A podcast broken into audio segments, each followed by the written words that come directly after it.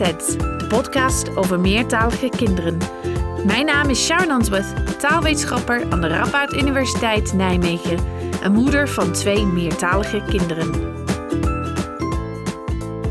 In veel steden in Nederland en België zijn er steeds meer kinderen die thuis een andere taal spreken dan of naast het Nederlands.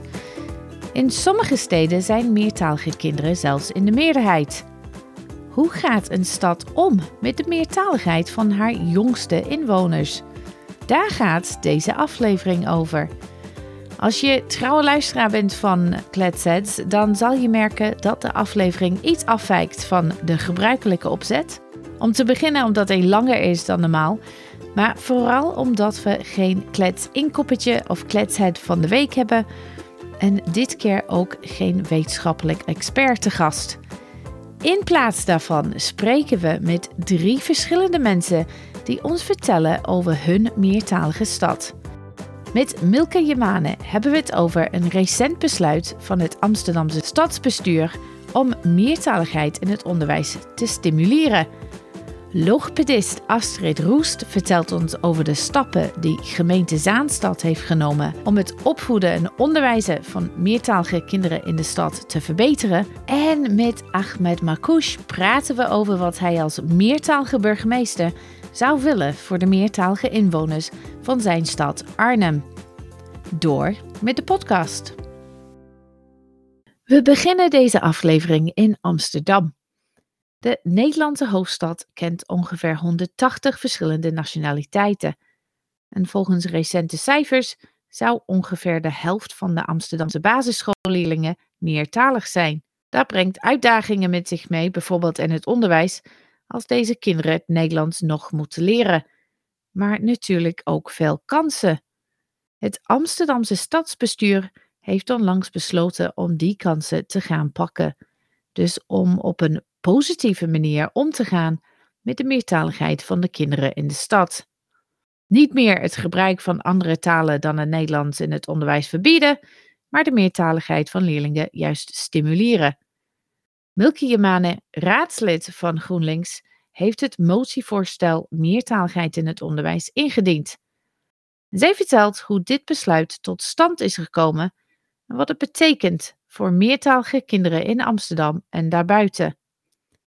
Milka is op jonge leeftijd vanuit Eritrea naar Nederland gekomen en is dus zelf meertalig opgegroeid met naast het Nederlands ook het Tigrinya.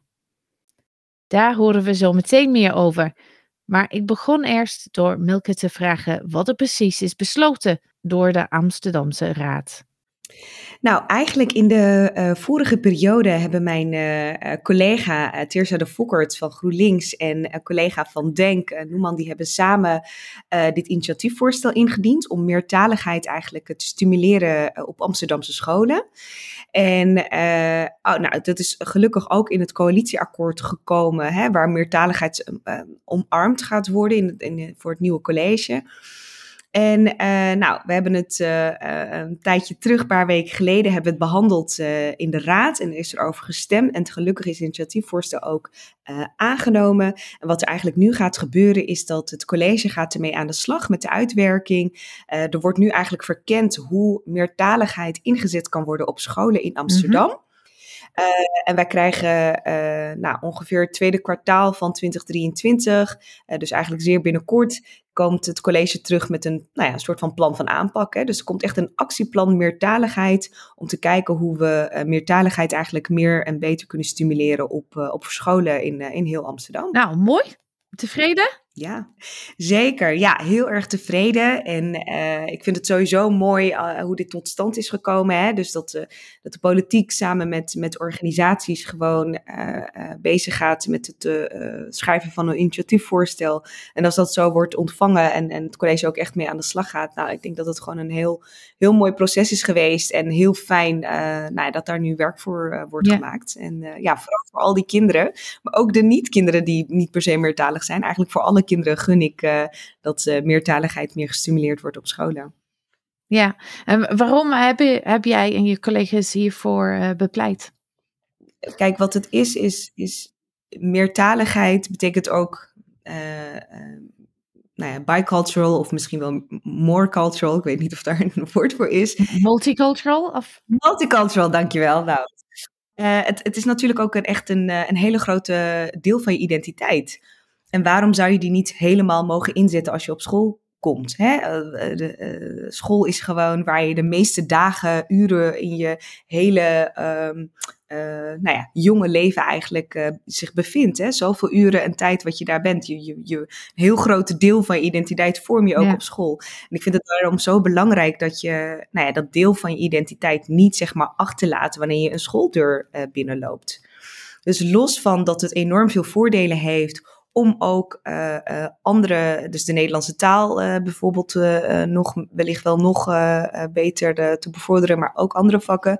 Maar daarnaast ja, vind ik het ook gewoon heel erg belangrijk voor de identiteit van het kind. Hè? Dat je er ook mag zijn in al je talen en al je cultuur. Ja. En, en, dat je dat allemaal mee mag nemen op school. En um, ik, weet, ik weet dat jij zelf meertalig bent opgevoed. Daar vraag, vraag ik zo meteen over. Want ja. uh, dat zal zeker een rol gespeeld hebben, denk ik, in, in hoe je hierin staat. Maar even over dat initiatiefvoorstel van de gemeente. Niet iedereen was daarmee eens. zo gaat het nou eenmaal in de politiek, geloof ik. maar wat waren dan de belangrijkste tegenargumenten? En, en hoe hebben jullie de, je tegenstanders kunnen overtuigen dat het voorstel toch aangenomen moest worden? Ja, nou, ik denk de meeste uh, nou ja, tegenargumenten was eigenlijk dat men zei van, oh, maar Nederlands moet de hoofdtaal zijn, dat moet nog steeds het doel zijn. Uh, het is toch niet de bedoeling dat, dat docenten opeens 180 verschillende talen uh, moeten gaan spreken. Hè? Dus ze vonden het gewoon praktisch niet mm -hmm. haalbaar. En ze waren denk ik bang dat Nederlands hierdoor juist achteruit zou gaan in plaats van vooruit. Hè? En wat wij zoveel mogelijk in het debat ook probeerden uit te leggen is, het is niet of of. Hè? Het is juist en en. En dat die en en juist bevorderlijk kan zijn voor het leren van die Nederlandse taal. Dat het juist bevorderlijk is voor de kansgelijkheid uh, hier uh, op het onderwijs uh, voor vele kinderen. Hè, dus, en ook hè, dat het niet zo is dat al die docenten natuurlijk opeens 180 verschillende talen hoeven te leren. Hè? Daar gaat het niet om. Dus ze kwamen ook wel echt met concrete voorbeelden. Hè? Je hebt de Sint-Janschool in Amsterdam, die al heel vroeg hiermee bezig was. Nou, die bepaalde voorbeelden uh, um, hadden, hè, waarbij ze bijvoorbeeld um, nou, tijdens een grammatica les ook vroegen aan een, aan een kind die bijvoorbeeld een andere uh, thuistaal spreekt. Nou, hoe zeg je dat in, uh, in je taal thuis? En de, je merkte gewoon dat het kind nou, daarover ging nadenken en daardoor de verschillen zag en daardoor ook heel erg enthousiast deelnam ja. aan die les omdat er ook een stukje, uh, nou ja, wat ook bij zijn identiteit hoort, nou ja, dat ook werd gevraagd en ook daar mocht zijn.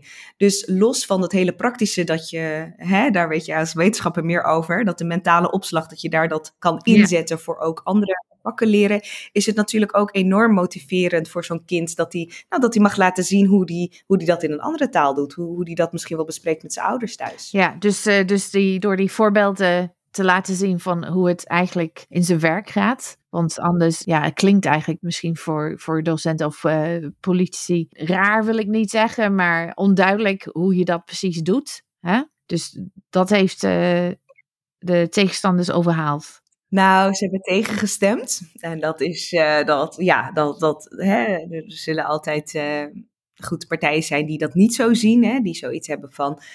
Uh, nou goed, Nederland is gewoon de moedertaal. Dus op school uh, moet Nederland gewoon alleen de norm zijn en niet andere ja. talen. Hè? Die hebben ook een hele andere visie op interculturaliteit en multicultural zijn. Um, dus ja, je kan niet altijd verwachten dat elke partij, elke persoon hiervoor open staat. Alleen gelukkig hebben we een meerderheid uh, gehaald binnen de raad. Dus gaat het college hiermee aan de slag. Ja, nou, leuk. Ik ben heel benieuwd naar wat, uh, wat in ja. de actieplan staat. Uh, maar even terug aan, uh, aan jou, wat ik uh, net zei. Je bent zelf meertalig opgegroeid. Hoe heb je het zelf ervaren op school als meertalig kind? Ik moet heel eerlijk zeggen dat ik denk dat, um, nou ja, dat wij nog vooral veel hoorden dat je zoveel mogelijk eigenlijk Nederlands ja. moet spreken thuis. Hè? En ook in, in, nou ja, op school werd er niet per se gevraagd naar nou ja, een voorkeurstaal of een thuistaal. Um, dus nee, die kon ik niet per se inzetten. Uh, daar werd eigenlijk nooit ook verder naar gevraagd. Ehm, en thuis ja, spraken we ook wel best veel Nederlands. En, en ik denk dat het ook wel te maken heeft met, nou goed, hoe ons ook, hoe mijn, hoe mijn ouders, hè, hoe mijn moeder zoveel mogelijk werd ge, geadviseerd om eigenlijk inderdaad vooral veel Nederlands te spreken, omdat dat het beste is, zowel voor haar, maar ook voor de kinderen, uh, ja, om maar taalachterstand zeg maar te voorkomen. Ja, en hoe kijk je daar nu uh, tegenaan met, uh, met alles wat je nu weet over meertaligheid en de wetenschap daarachter? Ja, nou goed, met alles wat ik nu weet, maar ook alles wat ik nu zie. Hè, dus ik heb heel veel in de afgelopen jaren veel met uh, vluchtelingen gewerkt. Dus dan kom je er, uh, zie je het op een andere manier. En daar zie je eigenlijk dat het heel goed samen kan gaan. Hè? Dus je ziet bijvoorbeeld dat kinderen. Ik, ik heb een kennis en, en zij leert haar kinderen in de weekenden gewoon de Tigrinya-taal en ook het alfabet. En die kinderen die kunnen nu gewoon heel goed Tigrinya, maar die doen het ook hartstikke goed op school. Hè, dus dus um, ja, het is enerzijds um, een beetje dubbel. Hè? Dus dat je denkt, oh ja, nou, het had dus wel meer gemogen. Ik zou het denk ik ook heel fijn hebben, vooral op school. Want thuis, hè, dat Chigrinha was natuurlijk niet helemaal weg. Hè? En ook niet als je met de familie bent enzovoorts. Alleen, nou, ik zou het wel denk ik leuk hebben gevonden, fijn hebben gevonden... dat op school ook meer uh, erkenning en waardering eigenlijk komt voor, uh, nou ja, je andere cultuur en je andere taal. Ja. En uh, voor diegenen die niet weten welke taal dat is, Tigrinya. Tigrinya is een uh, taal die veel in Eritrea wordt gesproken. Dus de, een van de meest voorkomende talen in Eritrea is het Tigrinya. Uh, wat ook de grootste etnische groep is in Eritrea. maar het wordt ook in delen in Ethiopië gesproken. De Tigray-regio van Ethiopië wordt ook veel Tigrinya gesproken. Dus en spreek je dat nog veel? Ik spreek het um, nou, redelijk uh, als ik met familie uh, spreek, die bijvoorbeeld nog in Eritrea is. Maar ook doordat ik afgelopen jaren veel met uh, nieuwkomers, vluchtelingen heb gewerkt in het COA. Maar ik heb zelf ook een eigen stichting gehad. een stichting waarbij ik veel met Eritrese nieuwkomers heb gewerkt. Dus eigenlijk doordat ik weer uh, in mijn werkveld eigenlijk uh, met, uh, met Eritrese vluchtelingen aan het werk was, werd mentaal. Dus ergens was dat toch nog een beetje opgeslagen van de vroegere jaren, want ik ben niet hier geboren. nou, kwam het weer een beetje naar voren en merkte ik eigenlijk dat, nou, dat ik ook wel heel veel interesse had om het eigenlijk verder en beter te ontwikkelen. Ja, dus het werd ineens wel weer wakker. Ja, ja. ja. En, en ook heel nuttig dus, die kennis van de taal die je hebt opgedaan als kind. We hebben het nu eigenlijk vooral gehad over basisscholen. Uh, maar uh, er zitten op middelbare scholen natuurlijk ook heel veel meertalige leerlingen. Hoe, hoe ziet het stimuleren van meertaligheid en het, uh, volgens jou net voortgezet onderwijs uit? Ja, ik denk ook uh, op de, op de nou soort vanzelfde manier. Hè? Dus hoe zou je dat ook uh, praktisch kunnen doen? Ik denk dat daarom ook heel goed dat, dat we eerst gaan verkennen. Ja. Hè? De gemeente gaat eerst, college gaat eerst verkennen van wat is een mogelijkheid. Ze willen echt samenwerken met, de bedoeling is echt dat ze samen gaan werken met scholen, maar ook met wetenschappers, maar ook met uh, organisaties. Hè? Dus we hebben bijvoorbeeld met dit voorstel veel met de Rutu-organisatie, uh, Rutu Foundation gewerkt, hè, met Ellen Rose Campbell. Uh, dus ik denk dat het goed is om, uh, om vooral te verkennen wat, nou ja, wat praktisch uh, werkbaar is, zowel op basisscholen en op voortgezet onderwijs. En dat je daarmee eigenlijk een soort van praktijkvoorbeelden ook uh, naar voren haalt. En eigenlijk uh, daarin scholen kan faciliteren om zoveel mogelijk praktijkvoorbeelden met elkaar te delen. En ook te kijken hoe zij dat op een juiste manier zouden kunnen implementeren. Ja. Ja, maar voor alle duidelijkheid, het gaat uh, echt om zowel voortgezet als basisonderwijs. Uh. We hebben het echt over scholen. Ja, ja niet per ESP. Ja.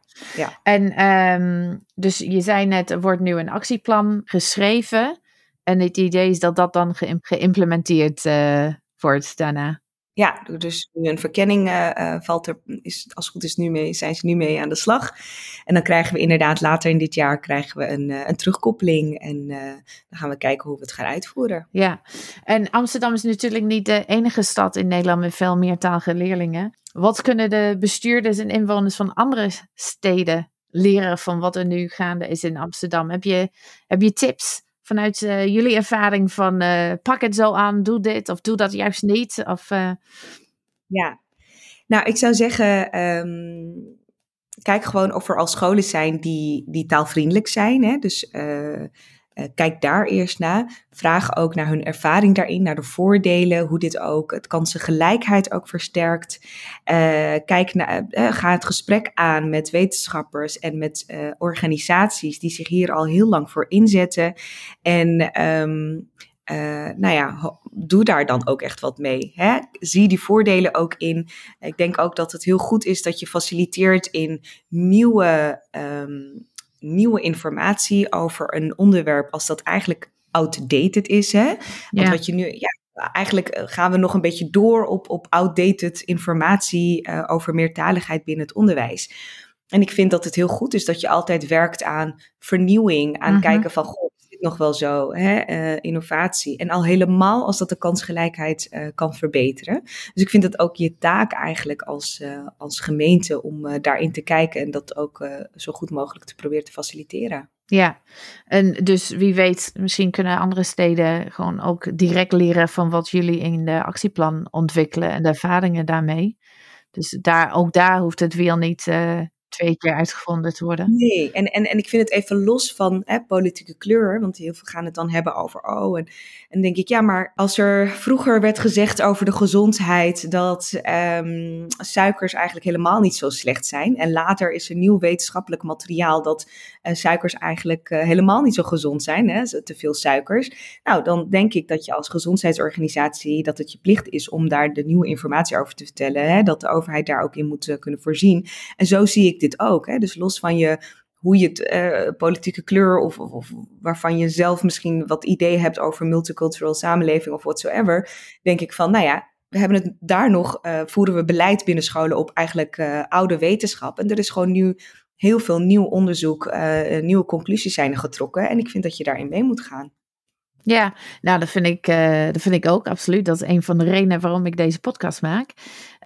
maar het is natuurlijk ook moeilijk, vind ik soms, met, uh, met meertaligheid en taal sowieso. Want dat is iets waar, ja, dat is begrijpelijk voor iedereen. Hè? Het is niet zoals kwantumfysica, uh, dus dat is niet begrijpelijk voor de meeste mensen. En dus als een wetenschapper zegt, het zit zo, dan zullen ze wel denken, ja, het zal wel. Maar met taal en meertaligheid, omdat het juist, zoals je net zei, ook uh, zo nauw verbonden is met, met identiteit en met cultuur het is soms wel lastig om mensen te overtuigen met uh, wetenschappelijke argumenten. Dus ja, maar dit, heb, je, heb je tips om hoe, je dat uh, beter kunt doen als uh, politica? Ja, ik denk echt die praktische voorbeelden. Dus echt die voorbeelden van taalvriendelijke scholen. Uh, ik merkte ook, hè, want ook wel in mijn omgeving, hoor, toen zeiden ze maar meertaligheid. Maar het, misschien is het ook wel de naam, hè, dat het dan gelijk uh, men uh, denkt van, oh jeetje, moeten dan opeens al die scholen al die talen hm. leren. Um, maar als ik het, soms is het heel goed om iets ook heel kleins te maken en heel tastbaars te maken en heel, heel praktisch te maken. Dus als ik het soms heb ja. over voorbeelden.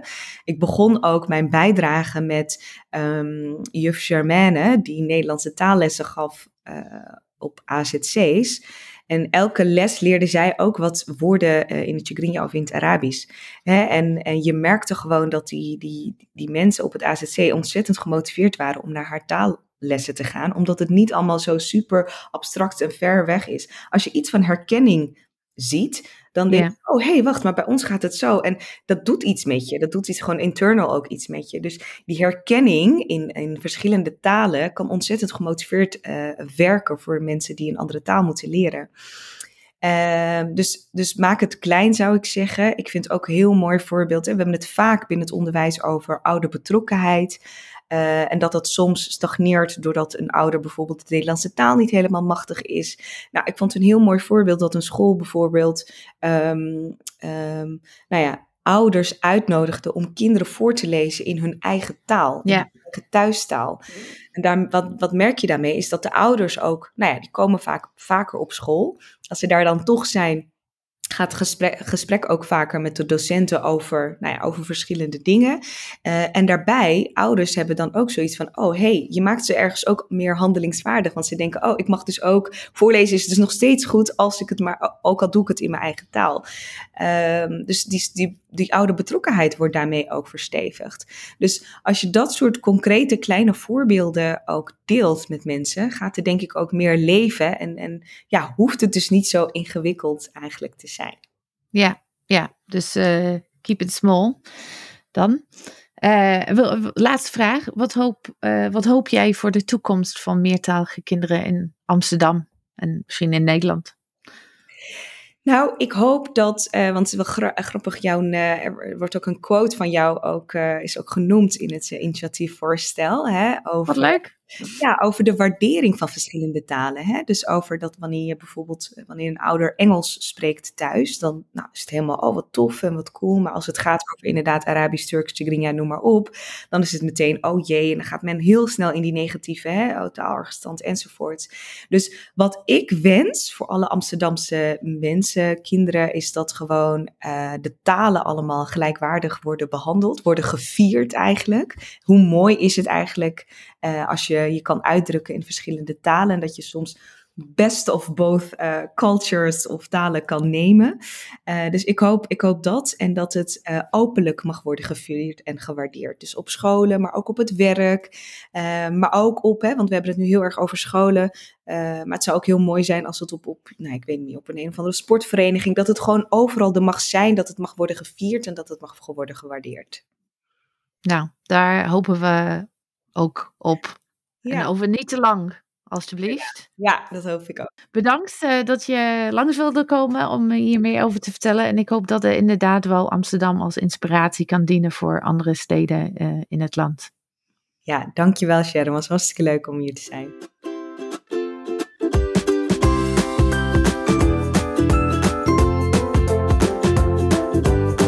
We gaan nu naar een andere grote stad in Nederland met niet alleen veel meertalige inwoners, maar ook een meertalige burgemeester.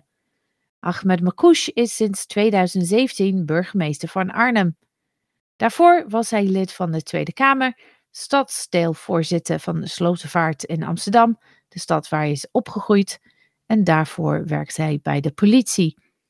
Hij kwam als tienjarige jongen naar Nederland, waar zijn vader al een tijdje werkte. Ook hij heeft dus ervaren hoe het is om met meer dan één taal op te groeien en ook hoe het zich voelt als kind naar een land te komen waar je de taal in eerste instantie niet begrijpt. Ik ben inderdaad in Marokko geboren, in het dorpje Beni Bourafar aan de Middellandse Zee, uh, waar de meeste mensen leefden van uh, visserij, lokale visserij. Ja. En mijn vader was al vroeg na de onafhankelijkheid, eind jaar 50, Um, net zoals vele van zijn generatie eh, die de kans kreeg, eh, kregen om te emigreren naar Nederland geëmigreerd. Tot mijn tiende ben ik eigenlijk uh, opgegroeid zonder mijn vader. Uh, omdat mijn vader, uh, ik weet niet anders dan dat mijn vader altijd in Nederland ja. was. En dat hij eens per jaar een paar, ehm, een paar weken, soms eens in de twee jaar, want hij moest wel wat verdiend hebben om thuis te komen. Ja. Ehm, en ja, het, het, dat, dat dorp, hè, die, die, uh, ja, die, die gemeenschap, is heel erg vanwege die onveiligheid die daar ook was. En vanwege de, de impact van, van de, de Spaanse bezetting. En, en het, uh, ja, de, de, de Marokkaanse militairen hadden daar ook behoorlijk destijds huis gehouden. Was het voor vrouwen over het algemeen eigenlijk not dan, maar ook onveilig om ondernemend te zijn. In de zin van uh, ja, je kind naar school brengen of je kind uh, op een school inschrijven. Ja. Dus ik heb tot mijn tiende uh, geen onderwijs gekregen. Ja. De taal die wij thuis spraken, dat was het Rivijns, het Mezicht. Ja. Uh, dus uh, zeg niet Berbers, want dat vinden wij gewoon uh, denigrerend. Ik weet, dat, dat appelleert aan, het, ja. aan barbarij. Dat, dat zijn wij niet. We zijn beschaafde mensen. en we spreken het Mezicht. En het is de taal van de oorspronkelijke uh, bewoners van, uh, van Marokko. Um, en dus, en het Mezicht, ja dat, dat, uh, ja, dat konden we niet schrijven of lezen, maar we spraken het wel vloeiend en we zongen ook in die taal. Mm -hmm. en nou ja, voor de rest ben ik tot mijn tiende niet naar school gegaan. En pas in Nederland, toen ik in Nederland aankwam in 1979, mocht ik voor het eerst naar school. Uh, en toen ik hier naar school mocht, in Amsterdam-Oost naar de vierde Montessori-school, ehm, was ik heel erg blij. Ik had een hele liefdevolle juf, juf Herma, die ondanks mijn tienjarige achterstand hè, uh, in het onderwijs uh, toch heel erg liefdevol en vol overtuiging en passie uh, mij omarmde om vervolgens mij stap voor stap te leren lezen en schrijven in de Nederlandse taal. Weet je nog hoe je je toen voelde? Ik was heel erg blij. Je had er echt zin in, dus om Nederlands te leren, zo te horen. Ja, ik, had, ik had echt zin om te leren, om Nederlands te leren, want ik had wel door dat, uh, dat dat de sleutel was, uh, dat je toegang gaf tot de samenleving, mm -hmm.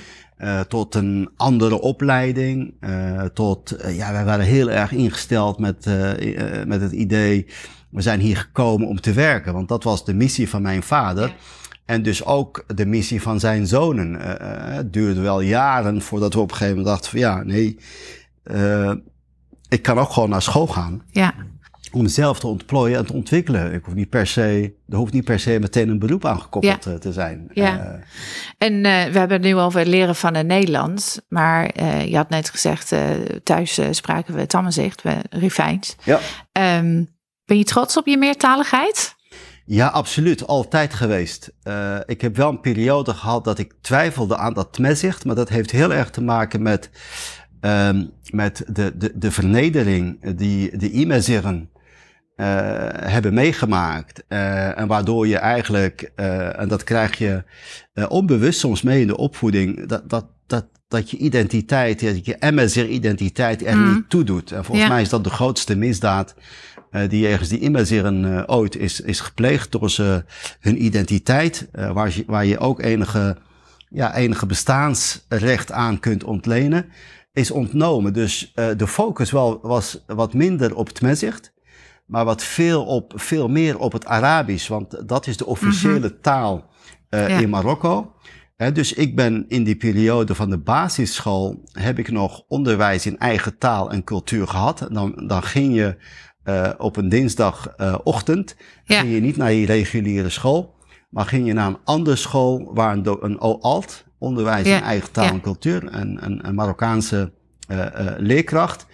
Uh, die speciaal was uitgezonden en die binnen de openbare school één of twee uurtjes onderwijs in eigen taal en cultuur gaf. Daarnaast volgde ik op zaterdag en zondag Arabische les in zo'n informele ja. school. En daar heb ik de Arabische taal geleerd. En later in mijn zoektocht naar wie ik ben, ben ik mijn tmezigt steeds meer eigenlijk gaan waarderen, mooi gaan vinden. En steeds meer ook als een onderdeel van mijn identiteit. En dus ik zeg altijd ja, Ahmed Marcouch is een Amazir, is een Rifijn, is een uh, Marokkaan, is een Nederlander, een Amsterdammer. Uh, ik bedoel, dat, dat, zijn, dat zijn mijn, uh, mijn, mijn roots, mijn, mijn zijn, mm -hmm. mijn identiteiten. En, en die, ja, die, ja, die liggen te grondslag aan de persoonlijkheid die ik uiteindelijk ben geworden. Dus ik ben dat eigenlijk allemaal gaan waarderen en gaan koesteren uh, ja, en gaan onderhouden. Ja, dat is je eigen ontwikkeling natuurlijk. Um, ik weet uh, dat, dat je eigen gezin hebt. Um, ja. Ik ben heel benieuwd hoe het taalgebruik gaat in Huizen Marcouch. Wordt, welke talen worden gesproken heb je daar bewust keuze over gemaakt? Hè, de podcast gaat over meertalige kinderen en is ook bedoeld voor ouders en leerkrachten. Ik was benieuwd hoe het gaat dan in de meertalig huis van de burgemeester. Van de burgemeester is het eigenlijk soms een mengelmoes. ja? ja want, Heel vaak is dat zo, bij mij ook. ja, de, het is wel zo dat de, de, de meest gevoerde en, en, en, en gesproken taal het Nederlands is. Mm -hmm. Uh, uh, dat, dat, dat heeft voor een deel ook te maken met uh, dat mijn vrouw ehm, niet uit het noorden van Marokko komt. zij komt uit het zuiden, ik kom uit het noorden. Dus zij, zij beheerst het mezicht, uh, Tashlahit, van het zuiden van Marokko, ja. een hele andere taal. Ehm, en ik beheers het mezicht van het, van het noorden. Ja. en mijn zoontje is, ja, is, is in Amsterdam geboren. Maar we proberen wel dus dus mijn, mijn, mijn zoontje, ja, daar spreken we eigenlijk, we spreken over het algemeen Nederlands. Yeah. Ehm, maar we, we, we, we, delen soms ook dingen in, in het Mezicht of het Arabisch. en dat kan het Mezicht zijn van beide, van beide delen, zeg maar. Van maar. Dus of het Mezicht. maar de, ja, de, de, de, de, eigenlijk de voertaal is vooral Nederlands. omdat dat de taal is die we eigenlijk met, met, met elkaar gemeenschappelijk hebben. Ja, ja. ja. En met, uh, met mijn andere kinderen, want dat is wel belangrijk, wel is dat ik het wel belangrijk vind dat mijn zoon wel die talen meekrijgt. Ja. Dus ook mijn zoon uh, zit, uh, mijn zoontje en mijn andere, ik heb vier kinderen, ja. hebben allemaal ook informeel onderwijs gehad om de Arabische taal te leren lezen en schrijven. En krijgen dat tmezicht ook mee. als het dus niet vanuit, het, vanuit Huizen Marcoes zelf komt, komt het wel vanuit oma en opa uh, en de omgeving. Dus ja. die, die affiniteit uh, hebben ze wel met de taal. Al spreken ze het niet vloeiend, zoals ik dat bijvoorbeeld spreek. Ja, dus het meertaligheid, of de meertaligheid is belangrijk. Ja, zeker. Ja. zeker. Kijk, ja. nog één anekdote. kijk, wat ik, wat ik eigenlijk mooi vond was dat ik had Edem, mijn zoontje, nog niet uh, op de Arabische les uh, ja. gezet. Want ik dacht, ik wacht daar nog een beetje mee, totdat hij uh, even doorheeft wat hij aan het doen is. Totdat hij zelf een keer huilend verdrietig thuis kwam. Want hij zei, papa, jullie komen toch oorspronkelijk uit Marokko, jullie spreken Marokkaans en oma spreekt uh. En, maar ja, Louis, zijn moeder, komt uit Duitsland. Louis spreekt ook Duits. En, uh, en uh, had nog een uh, Chinese jongetje in de klas. Die zegt, die spreekt Chinees. En waarom hebben jullie mij geen Marokkaans geleerd? En? Nou, dus ik vond, dat, ik vond dat heel erg confronterend. Ja, ik kan me ja, voorstellen. En het was natuurlijk wel een mooi moment dat je dus een gemotiveerd kind hebt die, die dat wil leren. Om vervolgens ook in te schrijven in dat formeel onderwijs. Maar het is om even aan te geven dat het dus, dat het echt iets doet met kinderen als je ze dat ontneemt. Heb je er spijt van nu dat je, geen, dat je toch niet uh, Tammenzicht hebt gesproken met... Nee, ik heb geen spijt, want het is gewoon, ja, het, het is een, een, werkelijkheid waarin je zit. Mm -hmm. uh, en, uh, en het is ook, het, het, het is, ja, het is ook de, de het, kijk, het, als je, als als je niet één gemeenschappelijke taal, in dit geval hebben we Nederlands als gemeenschappelijke taal. Ja. Ja, dat is natuurlijk in de, in de gangbare praktijk is dat natuurlijk heel erg lastig. Ja, Je het is moet- wel een vraag die ik vaak ik vind, krijg van ik vind wel dat je als ouder Ja. de taal moet spreken. Dus als er een tweede taal is die je allemaal uh, of allebei goed beheerst, uh, dan is dat een taal die je uh, een kind mee kunt, uh, kunt geven van huis uit. Nou, ik zie dat hij wel, dat hij wel tekst pakt hoor. En dat hij, want in, in, het Arabisch even goed in het Mezicht heb je een aantal letters die een, laten we zeggen, de, de, de, de, autochtone Nederlander, dus ook, ook mijn kind, hè, eh, als autochtone jongetje, niet, niet pakt. Bijvoorbeeld de letter ha. Ik, bedoel, ik heet geen Ahmed, ik heet Ahmed. Uh, Mohammed, Ghulam, de letter ra, uh, en de letter ain. En ik merk dat Adam uh, die letters uh, uh, moeilijk vindt. Dat hij zich ook bewust is van het feit dat hij het niet zo mooi uitspreekt als dat ik dat kan. Ja. Uh, nou, daar wordt hij verdrietig van. Ik kan het niet. Dus het is voortdurend een, een exercise om dat te doen. Maar ik, ik, ik heb zoiets van, als we die basis meegeven, dat hij dus aanleg, uh, hij heeft aanleg en aanleg, uh, die aanleg ontwikkeld wordt, ja, dan kan hij geleidelijk aan uh, rustig die taal on, on, ontwikkelen. Het moet niet al te zwaar. Zeg Ja, het maar, moet ook uh, leuk zijn, moet ook ja, moet positief ook zijn. leuk zijn Ja. en, uh, en, uh, en hij moet het interessant blijven vinden, zodat hij het blijft onderzoeken. En dat doet hij, want elke keer komt hij met een nieuw woord en dan wil hij weten hoe, uh, ja, wat het betekent. Uh, want dat had hij dan bij oma gehoord. Of hij hoort een keer, uh, ik luister graag naar Arabisch muziek. Ik merk dat hij die teksten ook gewoon, uh, gewoon nazingt. Ja. Nou, dus dat- dat zijn wel manieren. Ja, ik hoop dat hij straks een basis heeft, waardoor hij in ieder geval, uh, nou ja, het in, hem in ieder geval sterkt in zijn persoonlijke ontwikkeling. Daar gaat het uiteindelijk om. ja, dus even nieuwsgierig naar taal als een vader dus. Ja, ik, ik hoop het. Ja, nou, ik zei aan het begin, uh, een van de redenen waarom ik uh, graag jou wou praten, was omdat uh, je meertalige burgemeester bent van een meertalige stad. Ongeveer een derde van de inwoners van de stad naar Arnhem van buitenlandse afkomsten zijn. Dus natuurlijk, dat betekent niet dat ze allemaal meertalig zijn, maar er zullen aardig wat meertaligen zijn in de stad. heb je zicht op hoeveel talen gesproken worden in Arnhem? Of welke talen? We hebben meer dan 100 nationaliteiten ja. in de stad. Ehm, ja, dat brengt al een eigen taal mee. Mhm. uh, dus het is ook niet.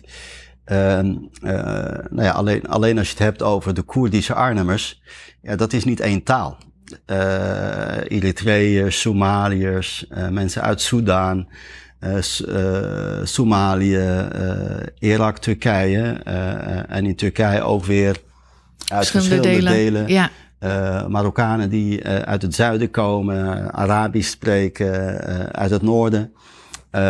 Bosniërs, ja, noem maar op. Ja, dus heel is, veel. Dus... Een, ja, ik zeg altijd, ik, ik ben, ja, in principe ben ik, ben ik burgemeester van, van de Verenigde Naties, zou je bijna kunnen zeggen. Als je kijkt naar al die nationaliteiten, ja. we hebben de wereld in onze stad. Ja. Je merkt het ook, hè, dat op het moment dat er ergens iets gebeurt in de wereld, uh, iets, iets, iets ernstigs, dan voelen wij ook de impact in onze wijken. Hè, dus uh, nou ja, wij hebben de neiging om dat te weinig te zien. Ja. maar in principe hebben we daar ook, ja, je kunt het heel erg gaan problematiseren, zoals ja. velen doen. Ja. Maar het is ook een kans. Ja, het is ook zeker. een kans om daar ook, daarmee ook weer verbonden te zijn als stad met de rest van de wereld. Ja, en over kansen gesproken. Ik denk aan uh, recente besluit van het Amsterdamse stadsbestuur. Ik weet niet of je daarvan op de hoogte bent, maar uh, het Amsterdamse stadsbestuur heeft onlangs besloten om de meertaligheid van leerlingen te stimuleren, ongeacht om welke taal het gaat. Dus echt een plek te geven aan meertaligheid en andere talen dan het Nederlands, het Engels in het onderwijs. Gaat Arnhem het voorbeeld van Amsterdam volgen? Nou, ik, ik weet niet of dat uh, per se meteen een goed voorbeeld is. Hè. Uh, het is eigenlijk heel erg bizar. En ik, ik begrijp het heel goed hè, dat de Raad van Amsterdam dat statement heeft gemaakt. Uh, wat er eigenlijk op neerkomt, laten we ophouden met het problematiseren van anders of meertaligen, maar juist omarmen. Ja. Uh, en het bizarre, het trieste is dat als een kind uh, uh, bijvoorbeeld Engels als tweede taal heeft, dan is er euforie en trots. En Ik weet het, als moeder van Engelstalige, ja. Engels-Nederlands tweetalige. Nou ja, of Frans, hè, van wauw, wat leuk. Um, maar spreek je Marokkaans of Turks of een andere taal, dan is het ineens meteen een bron van achterstand. En, en dat is echt... Uh, dat is fout, uh, omdat het ook ontzettend veel doet uh, met de ontwikkeling van kinderen. Dus ik vind het een mooi statement om te zeggen: stop daarmee. Ja. en kijk, ik, ik, kom zelf uit Amsterdam en ik zie dat hier ook in Arnhem. En ik, ik, ik stimuleer dat ook als burgemeester en, en moedig dat ook aan. ik vind dat je echt moet stimuleren dat, dat kinderen de Nederlandse taal leren spreken en goed leren spreken. Ja. En dat je daarnaast, als kinderen daarnaast nog een andere taal uh, spreken, uh, dan, dan moet je dat ook, uh, nou ja, je moet dat als het ware complementeren. Dat, dat, mensen, dat mensen zo met taal bezig zijn in plaats van te. Ik zou dat al voldoende stappen vinden. Daarnaast zou ik het heel mooi vinden als met name de openbare scholen, want zo is onze wet ook geregeld, veel meer ruimte maken uh, voor, uh, voor dergelijke onderwijs. Uh, dat dat dus niet allemaal in, in, in lokaaltjes ergens onzichtbaar apart ja. blijft. Je ziet dat de minister van Onderwijs op dit moment bezig is om te kijken hoe krijg je nou meer zicht in het belang van kinderen op ja. de kwaliteit van dat onderwijs. Mm -hmm. Nou ja, ik denk minister als het openbaar onderwijs die ruimte biedt ja, dan, dan, dan kun je op een gegeven moment ook uh, er zicht op hebben op de kwaliteit van de uh, pedagogiek, uh, didactiek en de omgeving. Hè, want lokaal en de plek waar het plaatsvindt is even goed belangrijk voor kinderen. Want als Absoluut. je ergens in een verlaten gebouwtje, donker, grijs, slecht onderhouden, zoiets belangrijks aangereikt krijgt als kind, ja, dan voelt dat niet heel erg als erkend en gewaardeerd. En of het nou gaat om het godsdienstonderwijs, of het gaat om uh, de taalonderwijs, ja, dat, dat, dat, dat is, uh, ja, je moet, je, het is een onderdeel van de identiteiten die kinderen uiteindelijk uh, moeten ontwikkelen om straks een sterke persoonlijkheid te zijn. Als je ze dat ontneemt, dan doet dat iets door, door, door het hele leven doet dat iets met ze. Bovendien is taalontwikkeling ook wel gebleken uit wetenschappelijk onderzoek, maar dat willen onderwijzers vaak niet zien of weten het niet. Dat juist die meertaligheid, dus als ouders thuis gewoon spreken in het Marokkaans of Engels, hè, laten we zeggen in, in de moedertaal van, uh, van die ouders met hun kinderen gewoon spreken, dat dat ook ten goede komt aan de ontwikkeling Absoluut. van de Nederlandse taal. Ja. Uh, terwijl uh, dus de, het probleem van de taalachterstand heeft dus niet zozeer dus te maken met, met welke taal je spreekt, maar überhaupt dat je niet spreekt.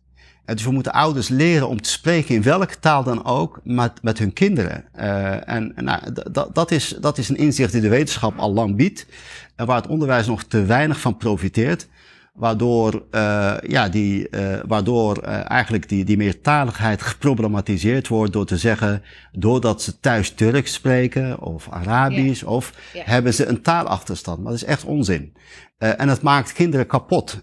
als, je, als je dat deel wat ze van huis uit meekrijgen al zeer belangrijk. Want het is van je moeder, het is van je vader, het is, het is iets wezenlijks. Als je dat criminaliseert, problematiseert, dan maak je kinderen daar in essentie eigenlijk mee kapot. Dus ik vind het mooi uh, dat de politiek in Amsterdam dat statement maakt. Wat mij betreft mag het scherper, omdat dat niet alleen maar een kwestie is van luxe, maar het maakt kinderen onzeker uh, in hun ontwikkeling en, en het doet iets met ze. Ja, dus geef uh, ruimte dus aan dat deel van, van uh, kinderen ook. Ja, kijk, en die ouders organiseren het al. Hè? In, in Amsterdam, ik bedoel, ik, ik, ben, ik ben 50 plus inmiddels. maar in Amsterdam was ja, eind jaren 70 dat onderwijs al. Er gaan duizenden kinderen elke dag, elke weekend naar het informeel onderwijs. En, uh, en daar komt geen cent subsidie aan te pas. En, uh, en dat zijn allemaal kinderen die, uh, ja, die, die vandaag de dag volwassen ja, Nederlanders zijn. die door die meertaligheid een wezenlijke bijdrage kunnen leveren aan, aan hun werk. Ik heb ontzettend goed kunnen functioneren als politieman. Doordat ik tmezicht aan Arabisch sprak. Dat zijn twee hele belangrijke competenties. Ik heb het niet daarom gedaan. Maar toen ik eenmaal bij de politie ja. kwam ja, waren dat twee belangrijke competenties die de politie op dat moment miste. Ja. En ik had ze gewoon, uh, ja, uh, door de inzet van mijn vader, uh, ondanks de weinige geld, had ik ze gewoon ontwikkeld. En, en ze konden van nut zijn voor de maatschappij. En als burgemeester heb ik daar nog altijd profijt van. Dus de vluchtelingen die bij ons hier uit Syrië komen, ja, die, er gaat een wereld voor hen open als hun burgemeester ook een, een, een woord Arabisch met ze kan uitwisselen. Ja. ja. dus er gebeurt ook een heleboel natuurlijk buitenschool. Uh, ik weet dat, uh, dat hier in Arnhem dat ook, dat ook een belangrijke thema is met de pedagogische wijken. Um, wat voor uh, plek heeft de meertaligheid in, die, in dat aanpak? Die, die aanpak, dat is, dat is allereerst dat we juist in een pedagogische wijk willen uitdragen uh, maar ook uh, willen doen beleven en ervaren dat je er mag zijn. Ja. Uh, en dat we dus niet zo krampachtig doen over nationaliteiten of identiteiten. Mm -hmm. Ik bedoel, mensen mogen prima tegen mij zeggen van, u bent van Marokkaans komaf. Ja, dat ben ik. Dat is één wezenlijke identiteit van mij. Ik word hooguit teleurgesteld of boos als mensen die andere identiteiten van mij uh, daarmee elimineren. Ja. En dus we proberen in die pedagogische wijk een klimaat te scheppen uh, waarin je als kind kunt bloeien. Ja. En je mag er zijn met, nou ja, zoals je bent. Maar ook hier vind ik dat onze scholen, ook in Arnhem, best wel wat meer stil mogen staan bij deze meertaligheid. En, maar wat mij betreft ook bij, bij het belang van godsdienst in de ontwikkeling uh, uh, van kinderen. Je bent net her herbenoemd hè, voor zes jaar, gefeliciteerd. Hoe ziet het leven eruit voor de meertalige gezinnen in Arnhem na, na zes jaar? Ik hoop dat iedereen gewoon doordrongen geraakt van de, van de crucialiteit, hè, de urgentie van het leren van de Nederlandse taal. ik zeg ook altijd bij, bij als ik mensen hun, uh, hun natu naturalisatiecertificaat uh, uitreik, mm -hmm. dan zeg ik ook altijd, koester uh, je taal, koester ook waar je vandaan komt en je cultuur. Maar zorg er wel voor dat je vanuit de cultuur de elementen uh, elimineert die je in de weg zitten om een volwaardig burger te worden hier in Nederland. Uh, want ja, niet alles wat, wat cultureel, niet alles wat traditie is, past altijd hier.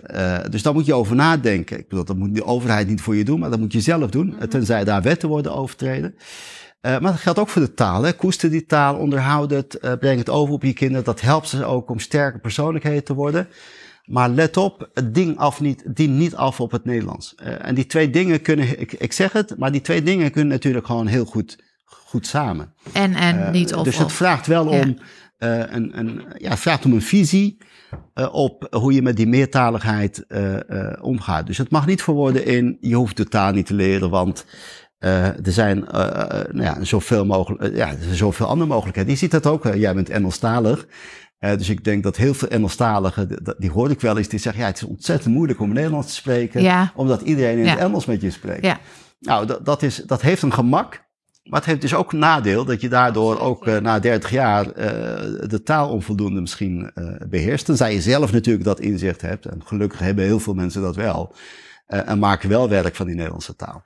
Maar ik denk vaak, als het gaat om de meertaligheid van, we hebben het nu vooral over kinderen, eh, is het niet zozeer om het negeren van het Nederlands, maar er het, ja, laat die andere taal zitten. Er zijn wel ouders die nog steeds het advies krijgen van uh, bijvoorbeeld bij de consultatiebureau of van een leerkracht, nou laat die andere taal maar zitten. Vaak hangt het af van welke taal het gaat, daar, daar hebben we het net over gehad. Wat kan een, een, een stad doen om dat te voorkomen? Nou, ik, ik denk dat het heel erg belangrijk is om uh, uit te dragen uh, dat, dat het vooral gaat om taligheid. En niet per se om welke taal je thuis spreekt. Hè. Dus ik kan me heel ja. goed voorstellen dat je je kinderen gewoon leert om al vroeger ik kom ook ouders tegen. Volgens mij moet je het dus gewoon uitdragen. En wat mij betreft doen we dat hier ook. Dat is een onderdeel van de inclusiviteit, het inclusiebeleid. Maar er ligt natuurlijk wel een grote verantwoordelijkheid bij het onderwijs zelf om daar een visie op te ontwikkelen. Want het onderwijs is bij ons aardig autonoom. En je weet niet altijd wat in een klaslokaal. Mm -hmm. Dus het is ook een stukje professionaliteit van, van docenten. Ehm, maar ik zie dat dat, dat, dat op zichzelf, uh, uh, dat dat inzicht steeds meer uh, toeneemt. Ook omdat de wetenschappers die dat soort inzichten delen, steeds meer ook luider spreken. En, of een podcast maken. Ja, of een podcast maken. Dus dat is, dat is echt een, een belangrijke meerwaarde. Ik zou het fout vinden als in dat kamertje tegen mensen wordt gezegd van je moet dat andere taaltje afbouwen. Of uh, je moet dat niet spreken. Uh, of je moet alleen Nederlands spreken. Ik zou zeggen, uh, speel met je kind. en, en spreek er en lees, lees voor in de taal waarin je het meest passievol kunt spreken en, kunt, en verhalen kunt vertellen.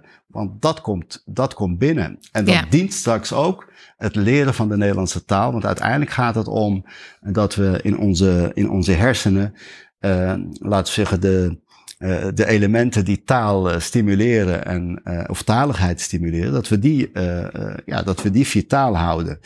Uh, nou ja, dat inzicht moet gewoon veel beter gedeeld worden. Maar ik zou, uh, als ik te weten zou komen, dan zou ik uh, als burgemeester zeker dat gesprek aangaan met degene die nou ja, zo'n foute boodschap geeft. Nou, dus is een heel goede hoop voor de meertalige gezinnen in Arnhem, denk ik. Ja, absoluut. Maar ik zie steeds gelukkig, ik zie steeds meer dat, dat, dat, het, dat er ruimte is om, dat was in mijn tijd en daarna in minder mate tegen beter weten in, uh, zou je kunnen zeggen. Maar ik vond het heel mooi dat ik hier uh, drie jaar geleden, we hebben hier elk jaar in Rosette, dat is ons hoofdbibliotheek in Arnhem.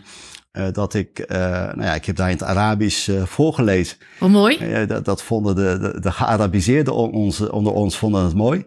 Maar even goed, degene die de Arabische taal niet, niet spreken, vinden dat mooi.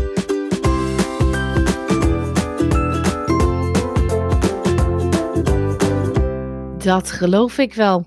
Ik denk dat het voor de meertalige inwoners van een stad heel inspirerend kan zijn als iemand in de positie van burgemeester ook duidelijk maakt dat naast het Nederlands ook de andere talen die je spreekt van belang zijn.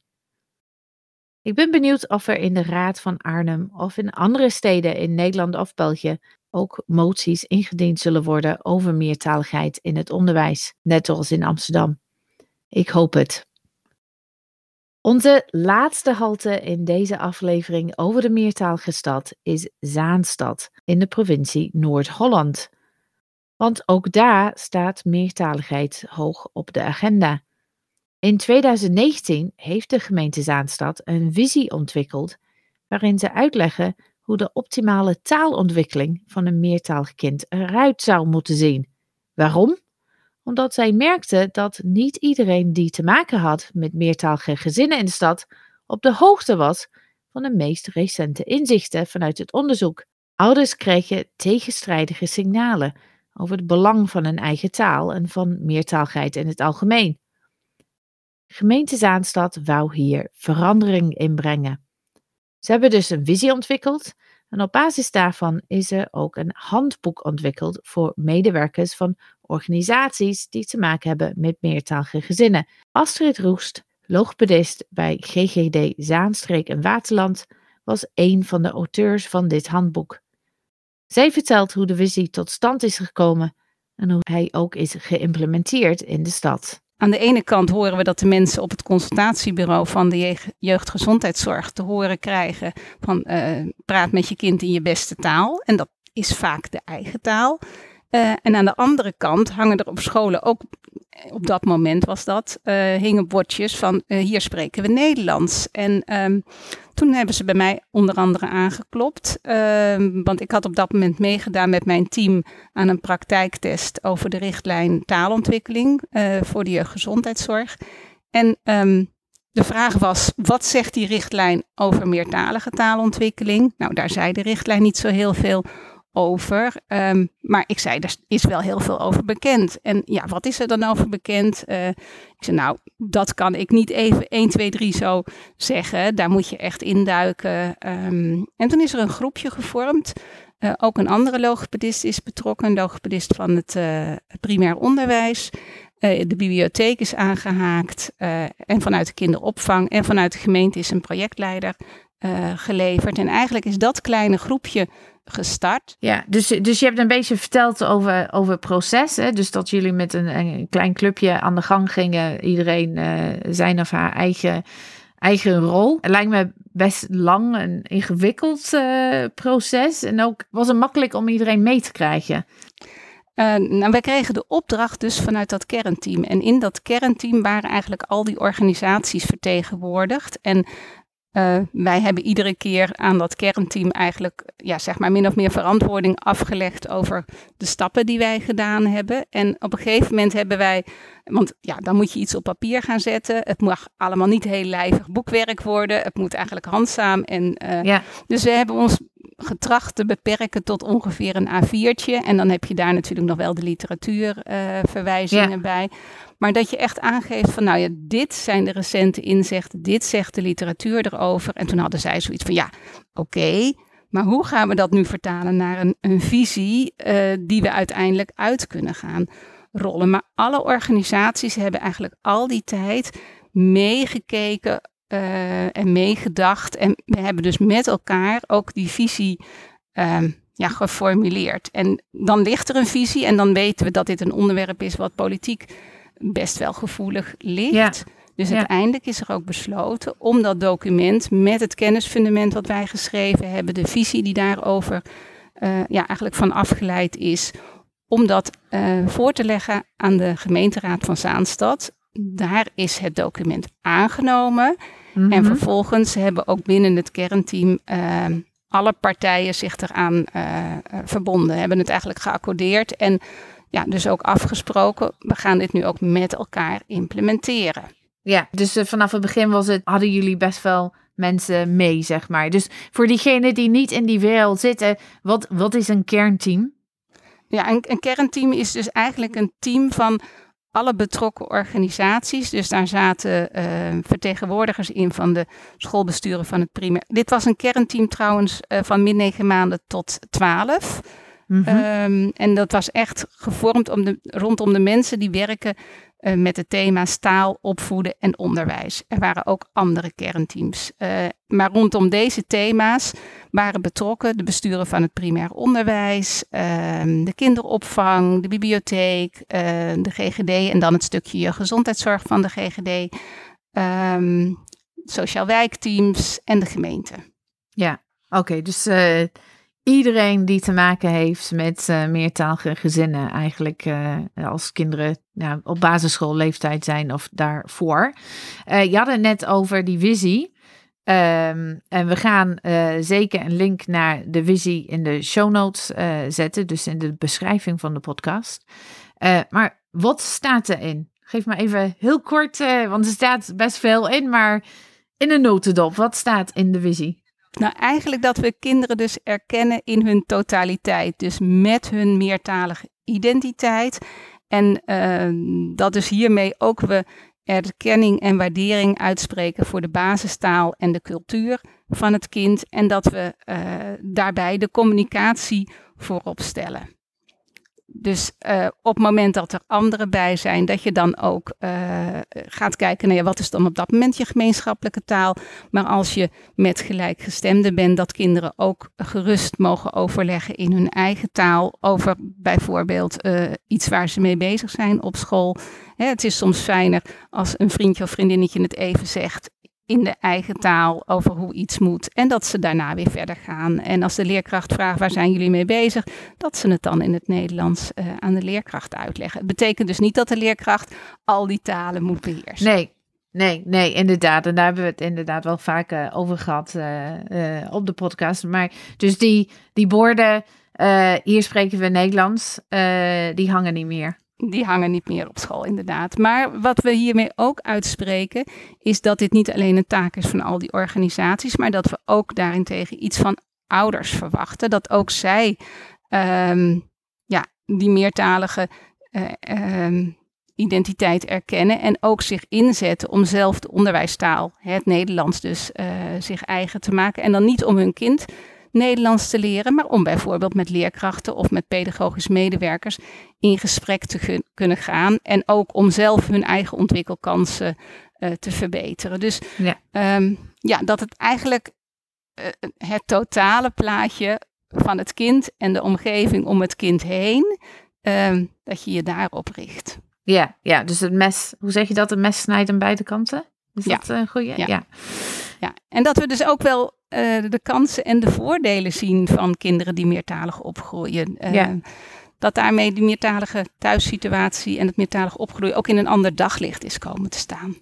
Ja, ja, en daarbij niet, want ik denk dat er uh, best wel mensen zijn die denken van ja, maar oké, okay, maar ze moeten wel Nederlands en Nederlands is belangrijk. Dat wordt natuurlijk niet uh, ontkend, juist het tegen, tegenovergestelde, maar het gaat hier om, om ook wat je net zei, de totaliteit van de, van de talenkennis, identiteit uh, meenemen. Dus we hebben het uh, over de visie gehad. En in het handboek, want vanuit die visie kwam, uh, kwam een handboek. Voor wie is, voor het handboek bedoeld?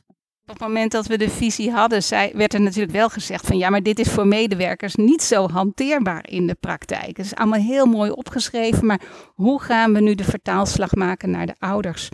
Toe. Um, en toen ben ik eigenlijk weer met de collega logopedist uh, gaan zitten. Um, en ja, wij hebben uh, in eerste instantie hebben we met meerdere mensen vanuit de visie acht adviezen zijn er geformuleerd. Mm En dat zijn mm-hmm. lang niet al adviezen die nog niet eerder bekend waren. Alleen zijn het nu adviezen die we vanuit de meertalige situatie geven.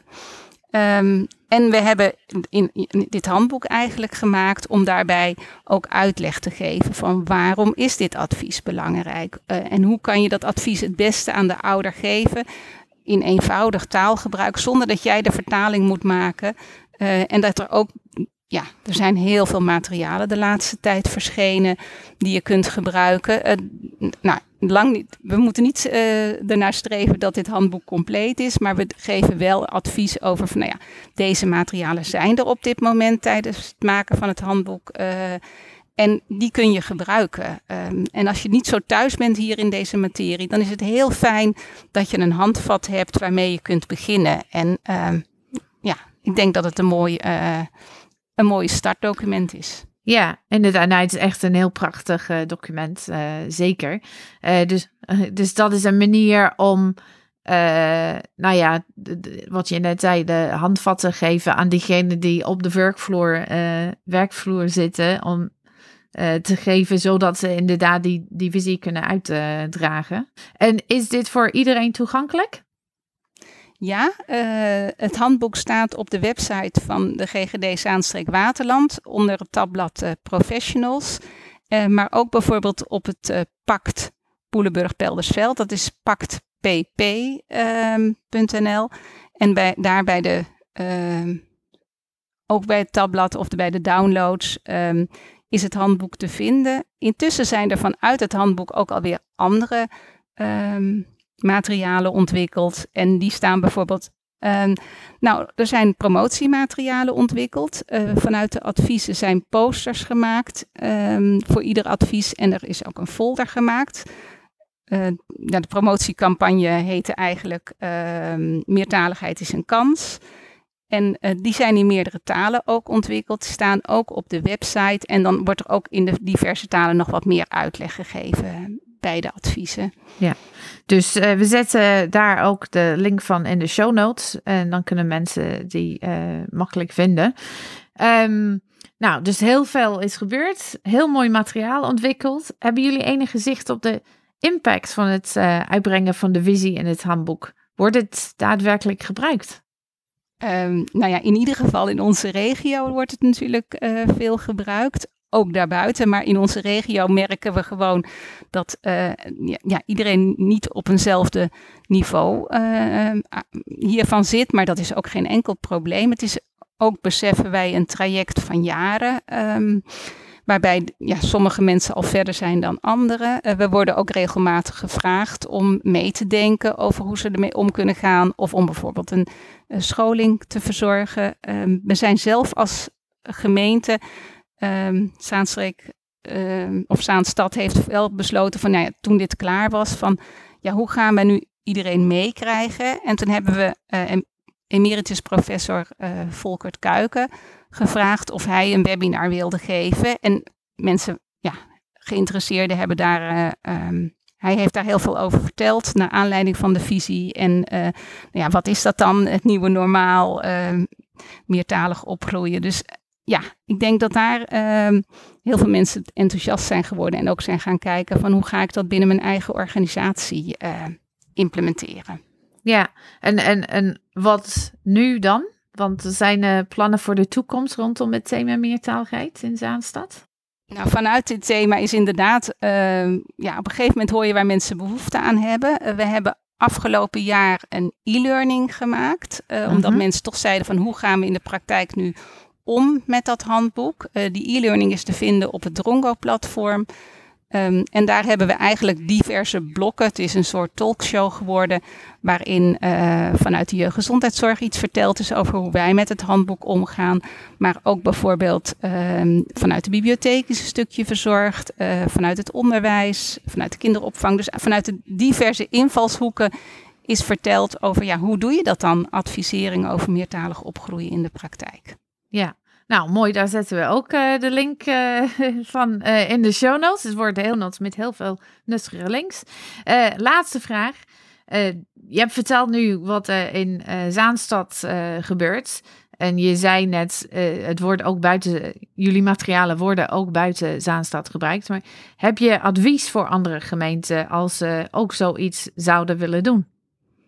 Nou, ik denk vooral maak gebruik van de materialen die er al zijn. Uh, ga, want het is een, een traject waarvan je niet moet denken van oké, we gaan nu met elkaar zitten en morgen is dit geregeld. Mm het is echt een traject waar mensen, ja, uh, je moet stappen zetten in de zin van het je eigen maken. Uh, mensen moeten eraan wennen. Het, het, het kost gewoon tijd. Ehm, maar er zijn in de tussentijd ook heel veel mooie materialen ontwikkeld. Bijvoorbeeld de Stichting Leerplanontwikkeling.